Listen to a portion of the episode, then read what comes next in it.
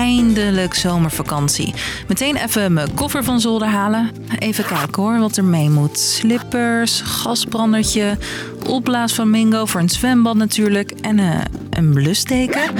Ja, ook geen overbodige luxe. In het zuiden van Zwitserland zijn honderden mensen geëvacueerd. De regio-president van de Canarische eilanden zegt dat het vuur niet meer onder controle is. Mens en dier moeten huis verlaten. In veel Europese landen woeden bosbranden. Dat was natuurlijk zo dichtbij. Dus eh, nee, dat was wel echt heftig. Waarom is het nu op zoveel plekken raak?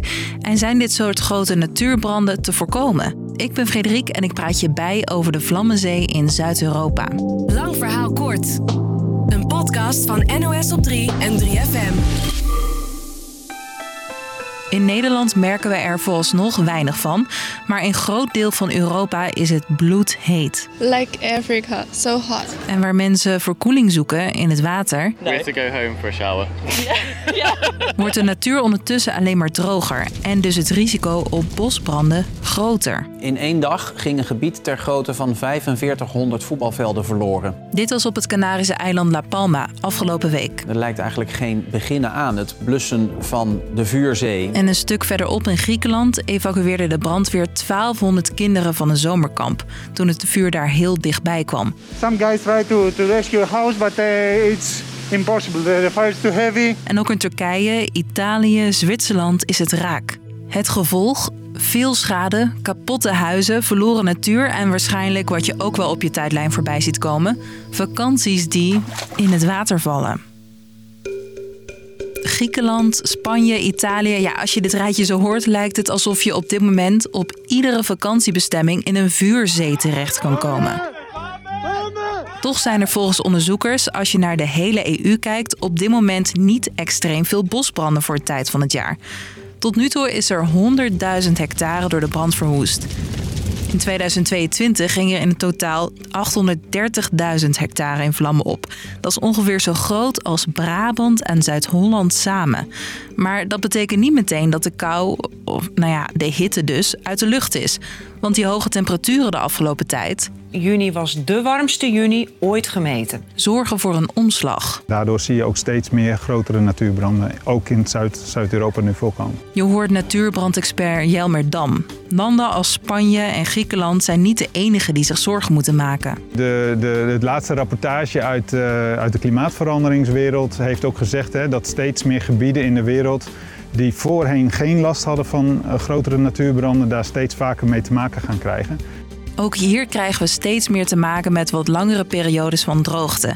En voor natuurbranden betekent dat, Dat we waarschijnlijk te maken gaan krijgen met meer branden. dat zegt Katelijne Stoof, die veel onderzoek doet naar natuurbranden. Het gevolg? eh, dat de branden langer kunnen gaan duren. En dat er ook meerdere branden tegelijkertijd plaatsvinden. En dat die branden ook groter kunnen worden. Ze heeft veel contact met internationale collega's. Die zegt, joh Katelijn, ik hou wel mijn hart vast om, om die situatie in Noordwest-Europa, maar ook in Nederland.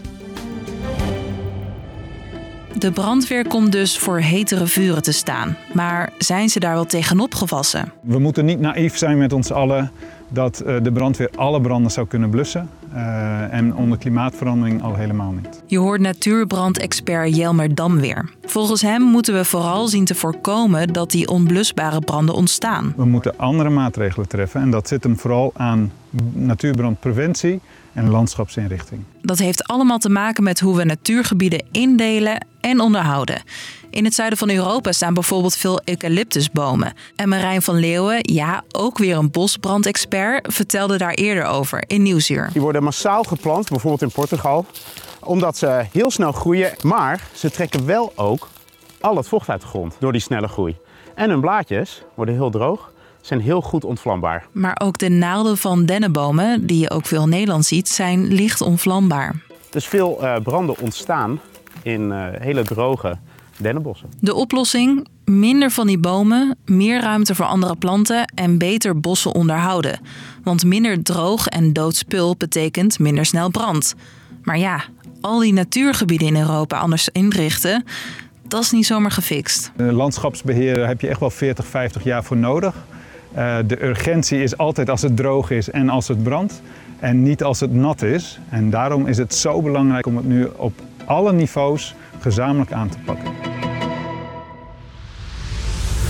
Dus, lang verhaal kort. Het is extreem heet in Zuid-Europa en de droogte zorgt ook voor veel bosbranden. Dat gevaar wordt mede door klimaatverandering steeds groter, ook in andere landen zoals Nederland. Experts zeggen meer inzet op preventie door bijvoorbeeld de natuur anders in te richten. Dat was er meer. Morgen vlammen wij rond de klok van 5 weer een nieuwe podcast in je app. Doei!